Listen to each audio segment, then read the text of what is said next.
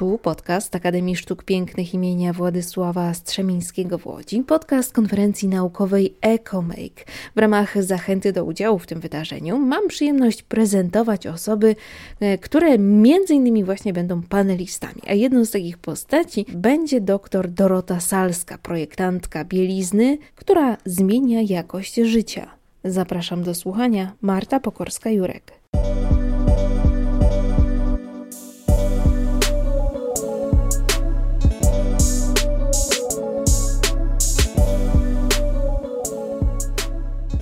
Jest ze mną Dorota Salska, adiunkt na Wydziale Sztuk Projektowych Akademii Sztuk Pięknych w Łodzi.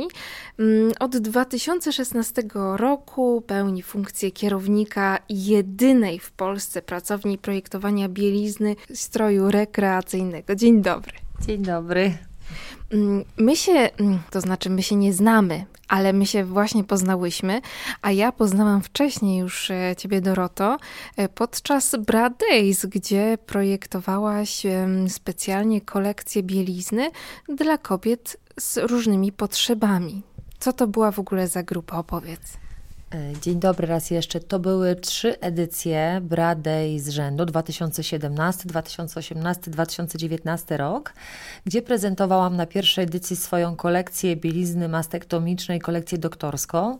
W 2018 roku była taka spersonalizowana, duża kolekcja e, takiej bielizny w stylu buduarowym. Każdy model był przypisany konkretnej modelce, projektowany według jej preferencji i mm, gustu.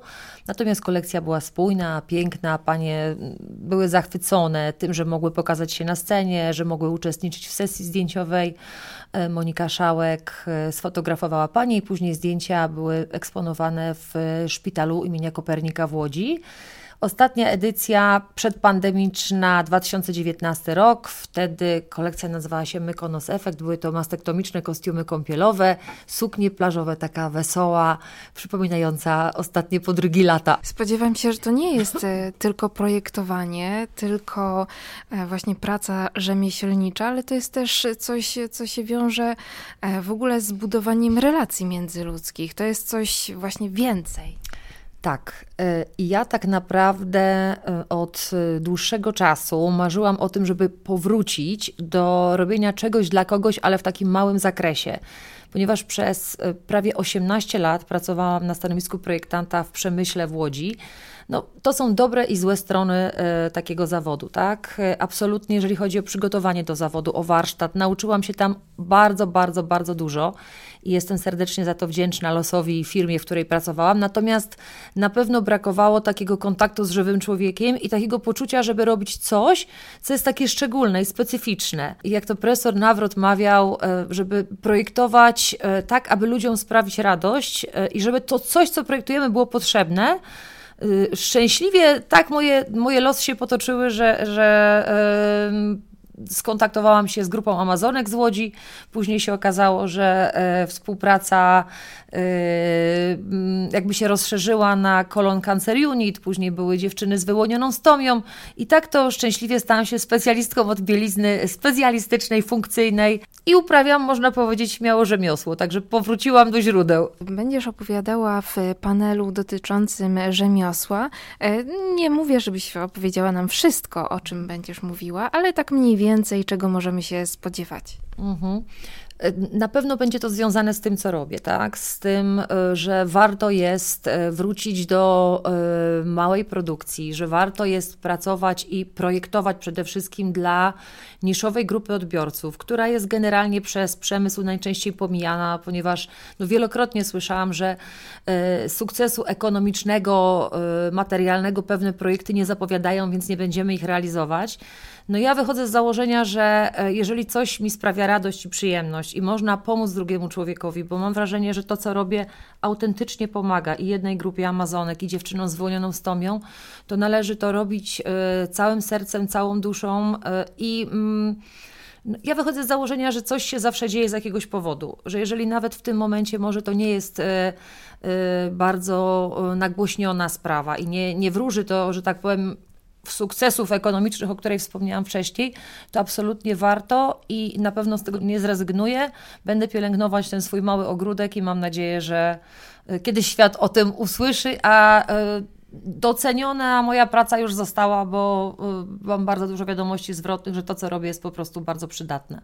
Jest bardzo przydatne i też zauważyłam, że e, no, pojawia się w ogóle w ofercie różnych firm, e, z tego co pamiętam, jednej chyba hiszpańskiej, właśnie e, oferta bielizny po mastektomii. Ale mhm. to wydaje mi się, że ty byłaś pierwsza. Obserwowałaś, jak to się dzieje na świecie? E, pierwsza w Polsce, może, to znaczy tak, może inaczej, to była pierwsza taka e, bielizna, m, która nie oferowała jedynie stricte biustonoszu, ta, biustonoszy. E, natomiast są firmy światowe, które to produkują, są nawet firmy polskie, które gdzieś podjęły tą produkcję. Natomiast, no, tak jak mówię, no to jest nadal niszowe, coraz bardziej jakby rozpowszechnione w Polsce, może dlatego, że październik miesiącem różowej wstążeczki, dużo się bardzo mówi, jeżeli chodzi o mastektomię, o nowotwory piersi, o profilaktykę, o rekonstrukcję piersi. E, także myślę, że tutaj jeszcze e, jakby mm, kobiety, które potrzebują kupić polską bieliznę, nie mają z tym problemu. Natomiast problem jest autentycznie ogromny, jeżeli chodzi o wyłonioną stomię, ponieważ takiej bielizny nie ma w ogóle. Ani w świecie, ani w Polsce e, kobiety posiłkują się po prostu jakimiś takimi przedziwnymi, szytymi często na zamówienie pasami, wysokimi figami, które są po prostu no, niedobre, niewygodne. Także no, mam nadzieję, że tu będzie pole do popisu. Mhm. A dlaczego warto właśnie iść w tę stronę? Co to daje w ogóle tym osobom, y, nad którymi problemami, problemami ty się pochylasz? Praktycznie zmienia wszystko. Mm, zmienia komfort życia, komfort funkcjonowania. Y, kobiety przestają się izolować, y, przestają się czuć gorsze, niepotrzebne E, nie boją się już kontaktów międzyludzkich, nie boją się wrócić do pracy. E, ja przy okazji e, monografii, którą napisałam, Zrozumieć stomię, traktującej właśnie o stomie jako o problemie społecznym, przeprowadziłam badania, spotykałam się ze stomiczkami, panie wypełniały mi ankiety i się okazuje, że stomia jest chorobą, która jest traktowana jako choroba fizyczna i choroba duszy że niemożność e, kontaktów e, międzyludzkich jest po prostu niewiarygodna, ale to dlatego, że one są psychicznie e, tak po prostu źle nastawione do siebie, do swojego ciała, do tych zmian, które wprowadziła operacja, do tego, że noszą worek stominy, że no generalnie izolują się i posiadanie właściwej bielizny, takiej, która przysłoni ten worek, która je zabezpieczy przed swoim problemem i przed ich strachem, jest niezmiernie ważne. Dowiedziałam się e, też od Ani Wrzesień, z którą współpracujesz e, przy tym projekcie, że projektujesz kamizelki kuloodporne dla kobiet. Możemy o tym coś powiedzieć? Czy to jest tak, tajne przez poufne? To znaczy, tak, to jest tajemnica. Rzeczywiście z Anią mamy przyjemność być we wspólnym projekcie. Projekt nazywa się Vesta i dotyczy rzeczywiście kamizelek skrytego noszenia i bielizny funkcyjnej dla kobiet służb mundurowych. Także tutaj też jest jakiś tam aspekt bielizny e, specjalistycznej. Generalnie chodzi o to, aby e, piersi e, policjantki czy no jakiejkolwiek kobiety pracującej w służbach mundurowych były odpowiednio skompresowane, tak aby zakładając kamizelkę koloodporną, której nie można ze względu na jej materiał, z którego jest wykonana, nie można jej odpowiednio wyprofilować, więc żeby one były jak najbardziej skompresowane w sposób bezpieczny, tak aby ta kamizelka nie odstawała ani w obrębie pachy, ani w obrębie tutaj obojczyka.